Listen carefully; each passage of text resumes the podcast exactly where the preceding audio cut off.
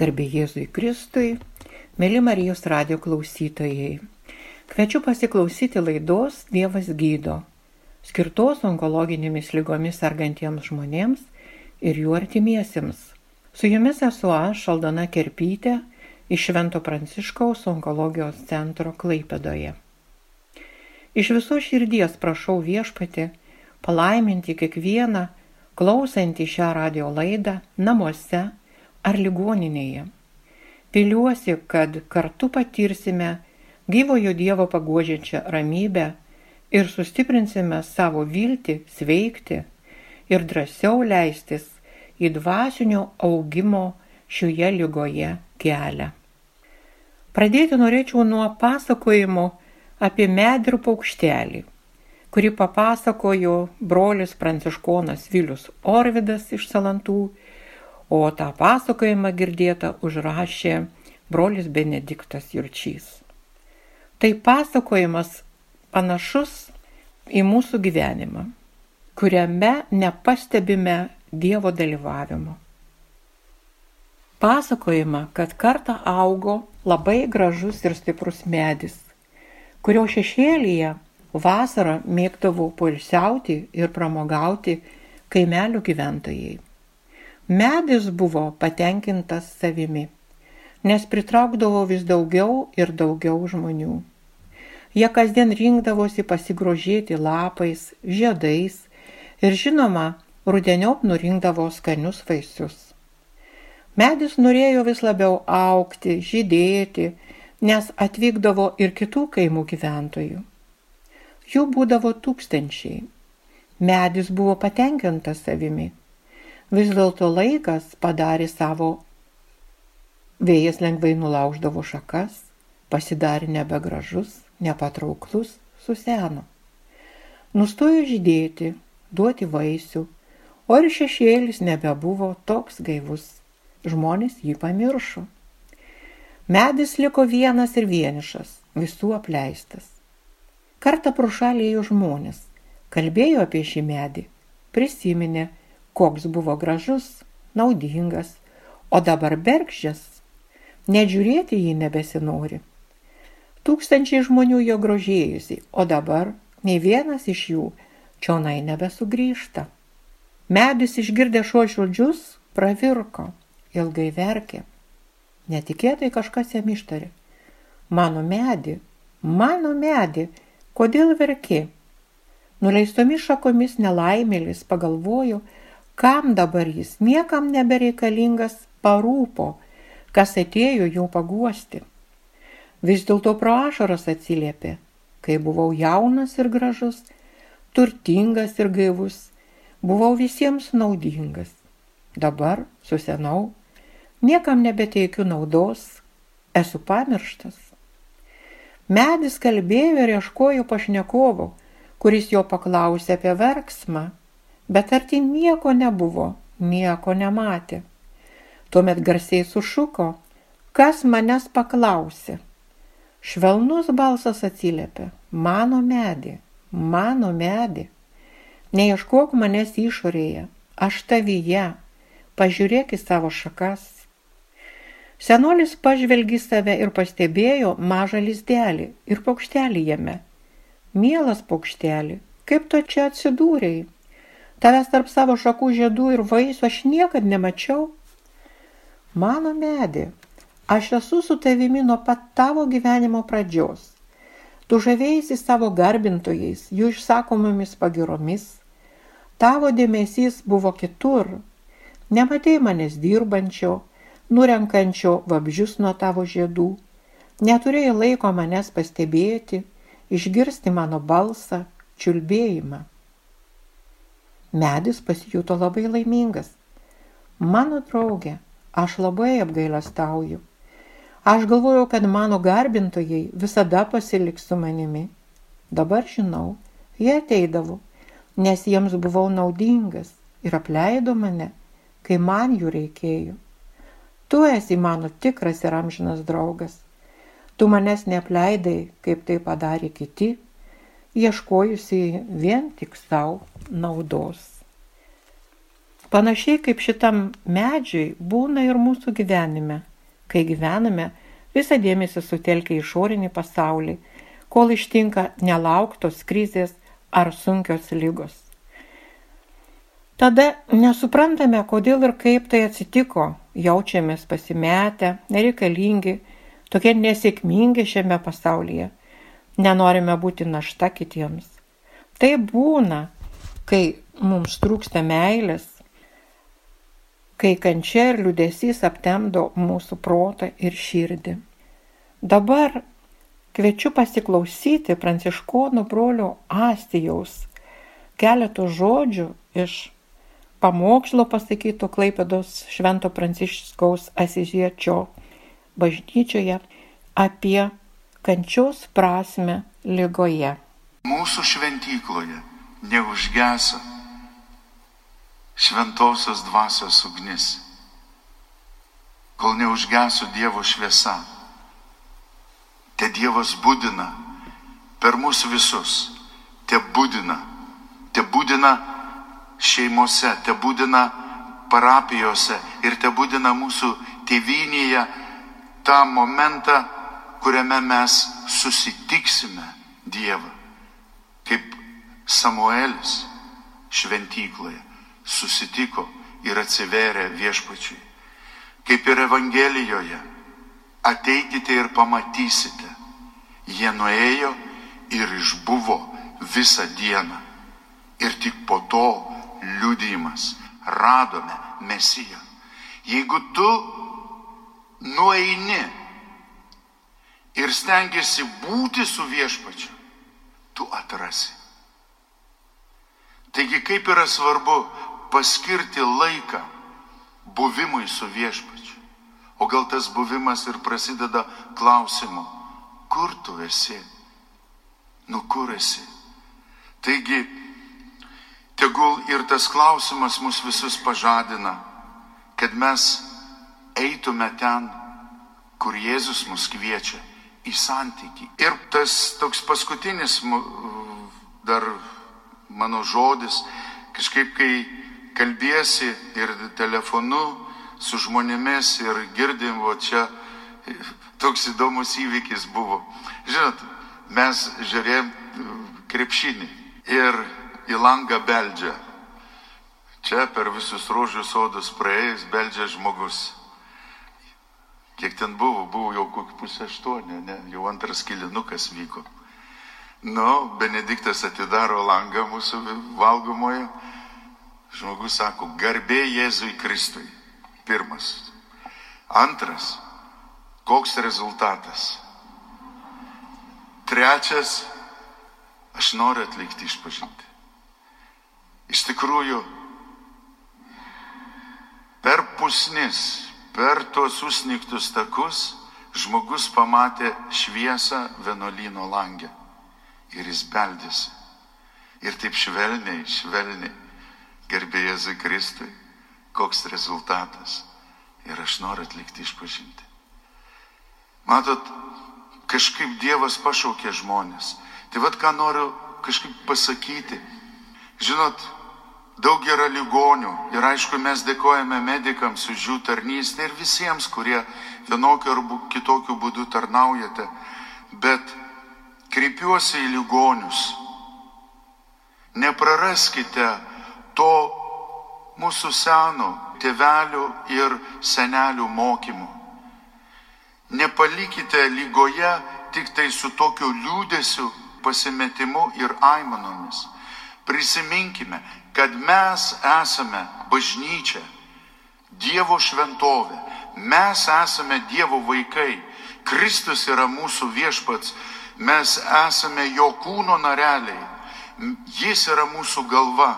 Ir jo kūnas buvo nuplaktas, jo kūnas, jo galva buvo vainikuota ir škečiais. Jo kūnas, jis nešė kryžių, buvo spjaudomas, buvo tyčiojimas iš jo ir jis užnešė visą tą naštą ir buvo prikaltas ant kryžiaus ir jis mirė, bet prieš mirtį pasakė ir tokius žodžius. Tėve, tėve, atleisk jiems, jie nežino, ką daro. Jis pasakė, dar šiandien su manimi tu būsi rojuje. Net ir nukryžiuotas, jis dovanojo žmonėms viltį.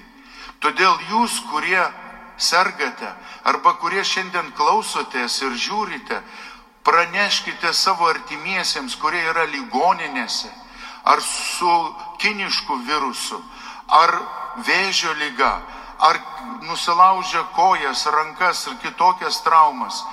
Pasakykite jiems, kad ta kančia nebūtų beprasme, kad jūs esate bažnyčia ir savo kūnais, kuriuos kartais užteršiame nuodėme, kad savo kūnais dalyvautume pasaulio atpirkime, pasaulio išganime. Ir kai būdavo liobka patvažiuoji pas kokį mučiutelį, kretingo pirmąjį mėnesį penktadienį buvo tradicija, važiuodavom lankyti ligonius. Ir sakydavo, ras aš blogą darau, kad savo, savo končią aukoju dievuleliui, aukoju už pasaulio išganimą, aukoju už savo vaikų atsivertimą. Mažylėliai nepamirškim, nes net ir kančioje, lygoje nebūkim tokie pasimetę. Mes katalikai, mes Dievo vaikai prisiminkim, kad ir lygoje mes galime kitiems dovanoti šventosios dvasios šviesą kad ir būdami lygoje, jūs galite melstį už, už savo vaikų atsivertimą, atsigrėžimą, kad iškiltų tas klausimas, kur tu esi, kur tu gyveni. Arba tie keturi klausimai, apie kuriuos brolis Benediktas rašo. Mažylėliai, dinksta tas pozityvumas, dinksta viltis. Mes, katalikai, turim suprasti, net ir lygoje, net ir skausmuose, net ir tame nuovargyje. Ir jūs, medikai, net ir tame nuovargyje, jūs dovanokit, melskite vilties šitam pasauliui. Jūs, medikai, kurie visą dieną vaikštote su tais dvigubais kombinzonais, su kaukiam, dar su tais respiratoriais, su tais skydais, šlapi moteris, sako sanitarės sesutės, šlapios esam. Iš tiesų, tai aukokite ir sakykite prieš pradedant darbą visą tą sunkumą, visą tai naštą. Nepasiduosiu nevilčiai, nepasiduosiu tam nuovargiui, bet sakysiu viešpatie, už mano sūnų, už mano dukrą, kuris jau nebepažįsta tavęs, bet dar jo šventykloje, dar viešpatie šviesa dega. Už savo tėtį, už savo mamą, kurie užkitėjusiom širdim nenori priimti ateinančio Jėzaus. Jūs aukokite, visi drauge aukokime ir jūs tada pamatysite, kad toje lygoje jūs būsite jau ją nugalėję savo širdyje, nes jūs net lygą, skausmą panaudojate kitų gelbėjimui. Jūs tarnystę, nuovargį, medikai panaudojat kitų atpirkimui. Jūs dalyvaujate kartu su Kristumi, kaip visas Kristaus kūnas, atpirkimui, kad išeitumėm iš tos tamsos, nes nuodėme tai yra tamsa. Dėmė, jis naikina dėmę. Ne, ne šiaip savo ką nors, jis naikina tai, kas mus daro negražiais. Todėl gražinkime savo širdis. Ir kada mes savo vargus ar savo kančią aukosime kartu su nukryžiuotumi Jėzumi, mes pamatysime, kad išeiname iš tos tamsos. Kad Jėzaus žodžiai pasakyti, mano jungas švelnus, mano našta lengva. Amen. Dėkojame broliui Astijui už gilę mintį, kuri kviečia mus toliau apmastyti apie mūsų santyki Dievo ir lygos akivaizdoje. Norėčiau kalbėti brolio Evaldo Darulio, kito pranciškono, paruošto teksto žodžiais apie kančios išgyvenimą, apie sakramentų naudą, apie susitaikymą ir gyvenimą tiesoje. Kalbėdamas apie lygą ir maldą, kardinolas Josefas Ratzingeris Benediktas XVI popiežius pažymėjo, kad nors žmogus pašauktas džiaugsmui, tačiau kiekvieną dieną išgyvena įvairias skausmo ir kančios formas. Todėl Dievas savo pažaduose apie prisikelimą skelbė širdies džiaugsmą, kuris kalba apie išlaisvinimą iš kančių. Taigi jis yra tas, kuris išlaisvina iš kančių. Dažnai žmogus kenčiantis dėl lygos ar kitų priežasčių savęs klausia, kodėl susirgau, ką blogą padariau, už ką Dievas mane baudžia, kodėl serga ir kenčia nekalti, ypač vaikeliai. Šie klausimai yra tarsi skirti Dievui, kuris yra visagalis, tobulas gailestis ir absoliuti meilė.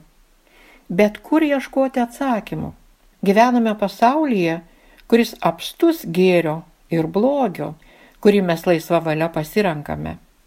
Be abejo, mūsų pasirinkimui įtakos turi ir klimatas, ir gyvenimo būdas, ir žmonės, ir jų pasirinkimai, ir dar daugelis kitų priežasčių. Tačiau mums labiausiai įtaką turėtų daryti asmeninis sustikimas su Kristumi, kuris, kaip rašo šventas raštas, turėdamas Dievo prigimti, godžiai nesilaikė savo lygybę su Dievu, bet apiplėšė pat save, priimdamas tarno išvaizdą ir tapdamas panašus į žmonės. Jis nusižemino, tapdamas klusnus iki mirties iki kryžiaus mirties. Šį apmąstymą apsunkina žinia, kad ir pats Jėzus, Dievo sūnus, kančios neišvengia. Ar mums įmanoma jos išvengti, jeigu Dievo sūnus ją apglėbė ant Golgotos kryžiaus? Kodėl Dievas, Jėzus Kristus, jos irgi neišvengia? Kodėl kančia yra būtina? Gal mums reikėtų kalbėti kaip turėtume išgyventi kančią, kaip priimti lygą. Akivaizdu, kad kančia yra žmogaus prigimties dalis. Mokėti priimti kančią - menas. Pranciškus Asižėtis, sunkios lygos urakintas, kentėdamas ir dėl akių lygos, nebegalėdamas žiūrėti šviesą, savo mirties akivaizdoje, viltingai gėdojo paskutinį savo poemos kūrinijos garbinimas posmą. Būk pagarbintas mano viešpatie. Per mūsų sesę kūniškąją mirtį, nuo kurios joks žmogus pabėgti negali. Šventajam Pranciškui mirtis yra stebuklas. Ji prisikėlimas amžinajam gyvenimui, kuriame nebebus nuodėmės, kančios, mirties Taip savo būti apmąsto žmogus pasirinkęs gėrio kelią. Tokiam kiekvienas išbandymas ar lyga ar kančia, jeigu yra Dieve, atneša vaisių. Žmogus mylintis Dievą kančioje subrandina save. Kaip bebūtų sunku, prisiminkime, kad kančia turi šią pozityvėją pusę. Šalia jos yra ramybė džiaugsmas ir dvasios sveikata. Jėzus atėjęs į šį pasaulį gydė ligonių dvasią ir kūnus. Visą tai perdavė paštalams, kurie per bažnyčią tęsė Jėzaus misiją pasaulyje. Eikite ir skelbkite, jog prisertino Dievo karalystę. Gydykite ligonius, prikelkite mirusiuosius, apvalykite raupsuotusius, išvarinėkite demonus. Dovanai gavote, dovanai ir duokite. Per kunigų maldą ir teikiamus sakramentus Dievas gydo žmogų. Sunkios lygos metu žmogus kviečiamas priimti Jėzaus ir bažnyčios įsteigtus sakramentus. Jie yra angamtinis Dievo malonės garantas. Išpažintis ir ligonių sakramentas yra gydomieji sakramentai, kurie suteikia žmogui dvasinio bei fizinio išgyjimo malonę. Žmogus visame savo trapume ir skurde, nuoširdžiai išpažindamas nuodėmes, gauna visų išpažintų ir netgi nesuvoktų bei pamirštų nuodėmę atleidimą, o su ligonio patepimu išgyjimo malonę. Tai padeda žmogui susivokti savyje, nurimti ir nuoširdžiai atsigręžti į Dievą, kuris jį myli. Dievą tikinti žmonės dažniau jaučia gyvenimo pilnatvę, jo grožį.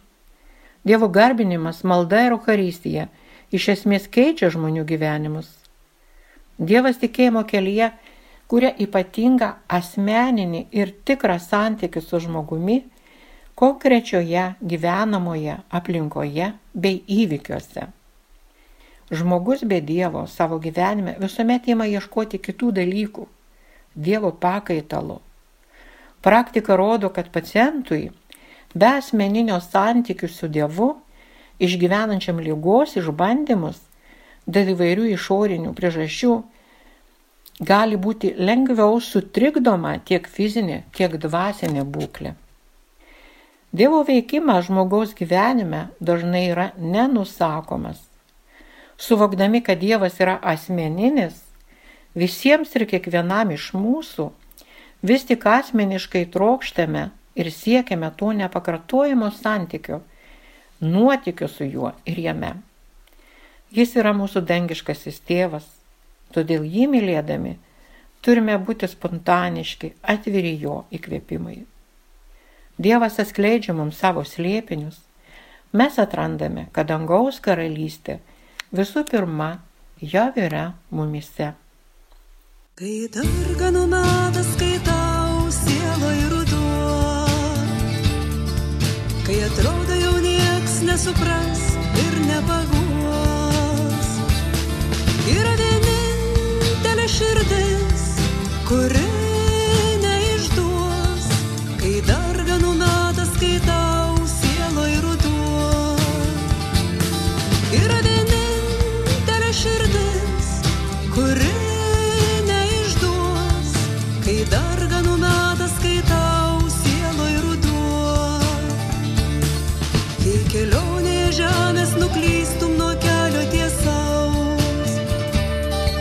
The us.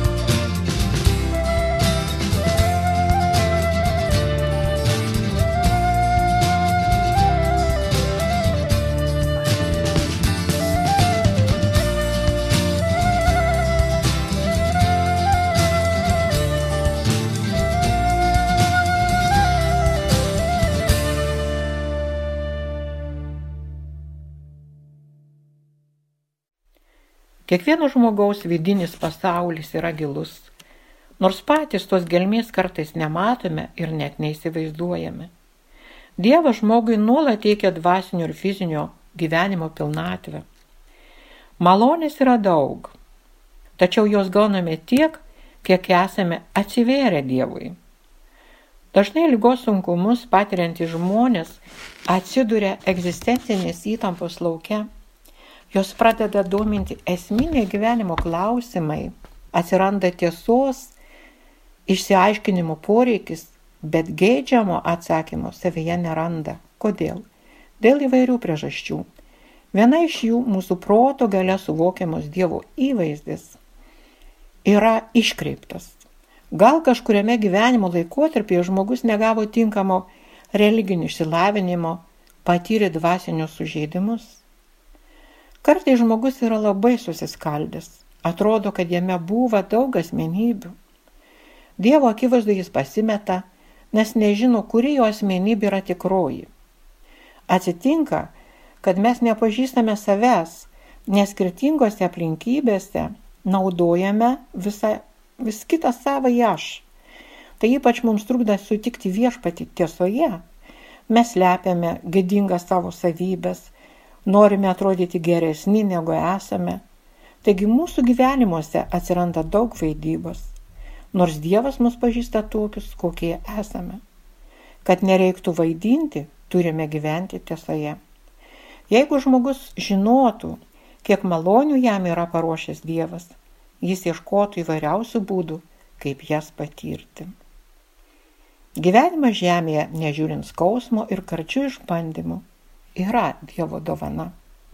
Gyvendami tiesoje patiriame pilną Dievo malonę Ji mums yra gyvybiškai svarbi, kaip maistas, kaip poilsis, mylimi žmonės ir visa tai, ko mums reikia. Dievo malonė mus pakeičia, bet kuo mes labiau užsidarę, tuo sunkiau ją priimame. Gyvenimas be malonės tampa sunkus, atsiranda baimė ir beprasmybė, nenoras gyventi Dievo vaikų gyvenimą. Kai ateina Dievo malonė, baimė dinksta. Visa tampa antrailiais dalykais, nesvarbu ar ligonis, ar sveikas, ar turtingas, ar vargšas. Ramybė ateina tada, kai viską pavedame Dievo valiai. Kad tai įvyktų, mūsų širdis turi būti laisva. Piktajai dvasiai patinka, kai mes esame užsidarę, kai negalime atleisti savo ir kitiems. Piktoji dvasia žaidžia su mūsų nuodėmėmis, siekdama, kad mes neatleistume, kad bijotume, Ji nori, kad mums nuolat skaudėtų. Kartais jį viską sujaukia ir padaro taip, kad mes nebematome, net pažįstame nuodėmės, mes ją pradedame džiaugtis. Nuodėmė tampa maloni ir svarbi, tarsi būtų mūsų gyvenimo moralinė norma, bet tai yra melas. Nepasiduokime piktosios dvasios vilioniai, sekime tik tai Jėzumi, kurio mokymą įkūnėjo bažnyčia. Tikroji ramybė ateina per pilnutinį atsidavimą Dievui. Tik Dieve galime suvokti, kad Jis yra vienintelis gėris. Mes esame tie, kuriems Dievas nori padovanoti visą gėrį. Ne viskas mūsų gyvenime vyksta pagal Dievo valią. Galime tarti, kad tik šventojo gyvenimas yra tobulas Dievo valios vykdymas. Jame nėra vietos nuodėmiai, nes visą žmogaus gyvenimo erdvę užima Dievo garbinimas per nuolatinę maldą. Šventasis Pranciškus savo pasiekėjams sakė, broliai, pradėkime viską iš naujo, nes nieko gero iki šiol nenuveikėme. Taip, mums reikia amžinybės viešpaties globos, patys mes neišsigelbėsime. Šventasis Pranciškus visus sveikindavo, tardamas, taika ir gėris, Taika ir gėris - tai Dievo karalystės akimirka, kurią šventasis patyrė čia ir dabar žemėje. Tai Jėzaus testamentas. Jis žino visų mūsų negalių kilmę, todėl sako, aš jums duodu savo ramybę. Jo nešama ramybė gydo mūsų negalės ir lėgas. Galime mylėti Dievą visomis jėgomis tik tada, kai visus dalykus, kurie nuo jo atskiria, mes paliekame. Taigi nebūkime lygoje pasimetę, ieškokime mus mylinčio Dievo, kad kančia lygoje nebūtų beprasme. Nepasiduokime nevilčiai, nes Dievo meilė yra besąlygiška. Jėzus amžinojo Dievo žodis keičia mūsų santykių su Dievu ir gydomus kiekvieną dieną, kiekvieną akimirką. Ačiū visiems uždėmesį, mūsų laikas baigėsi. Linkiu Dievo malonės ir palaimos ir didelis vilties šioje ligoje. Su jumis Aldona Kerpytė. Su Dievu.